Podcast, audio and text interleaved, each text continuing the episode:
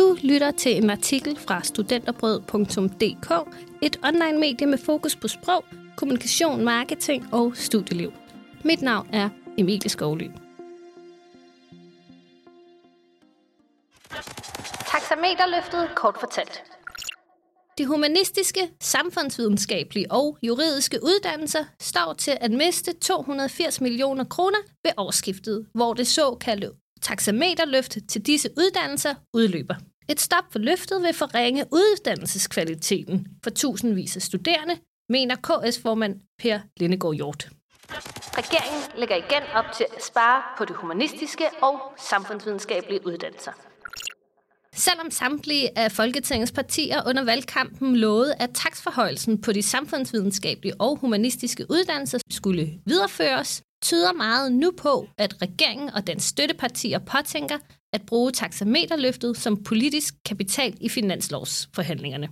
KS-formanden mener, at det i midlertid er dybt uansvarligt at gamble med de studerendes uddannelser i et uforudsigeligt politisk spil, og vidner om en manglende indsigt i, hvad konsekvenserne vil være af ikke at videreføre taxameterløftet. Forringet vilkår. Besparelserne i den størrelsesorden kan ikke undgå at medføre afskedelser af undervisningskræfter. De færre undervisere per studerende betyder mindre feedback og vejledning, mere undervisning på store hold og mere selvstudium. Det er udvikling af uddannelserne, der sættes i bakgear, og det er underligt i en tid, hvor der aldrig har været et større behov for at udvikle indholdet og læringsformerne på de humanistiske og samfundsvidenskabelige uddannelser end i dag, siger Per Lindegård Hjort. Arbejdsmarkedet efterspørger nemlig kandidater, der har digitale kompetencer og kan arbejde tværfagligt. I et samfund, der bliver mere og mere komplekst, mere og mere digitalt og mere og mere medieret, er der brug for flere og flere kommunikatører. I vores samfund er god kommunikation også velfærd, understreger Per Lindegård Hjort. En reduktion på 10 procent. Alene på KU vil et stop for taxameterløftet betyde en reduktion på 10 procent af budgetterne til uddannelserne på de fire berørte fakulteter, det humanistiske, samfundsvidenskabelige, juridiske og teologiske fakultet. Ifølge Jesper Langergaard, der er direktør for Danske Universiteter, drejer besparelserne sig om ca. 300 millioner kroner årligt. Det er alle universiteterne på nær DTU og ITU, der vil blive ramt.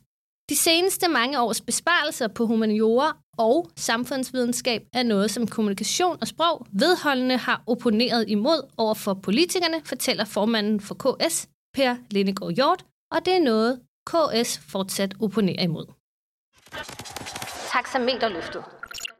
Landets universiteter bliver betalt efter et taxameter. Her i findes tre taksniveauer. De fleste humanistiske og samfundsvidenskabelige uddannelser er på takst 1, den lave takst. Økonomi, historie og jura. Det er uddannelser som sprogstudier.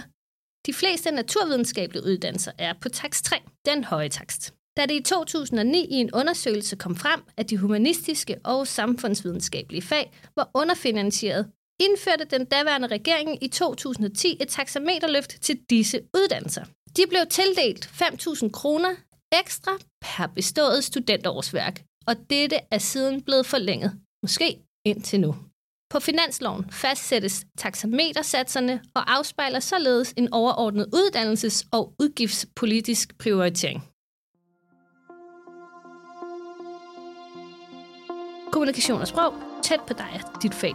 Artiklerne på studenterbrød.dk er udgivet af Kommunikation og Sprog, fagforeningen for dig, der elsker kommunikation, sprog og marketing.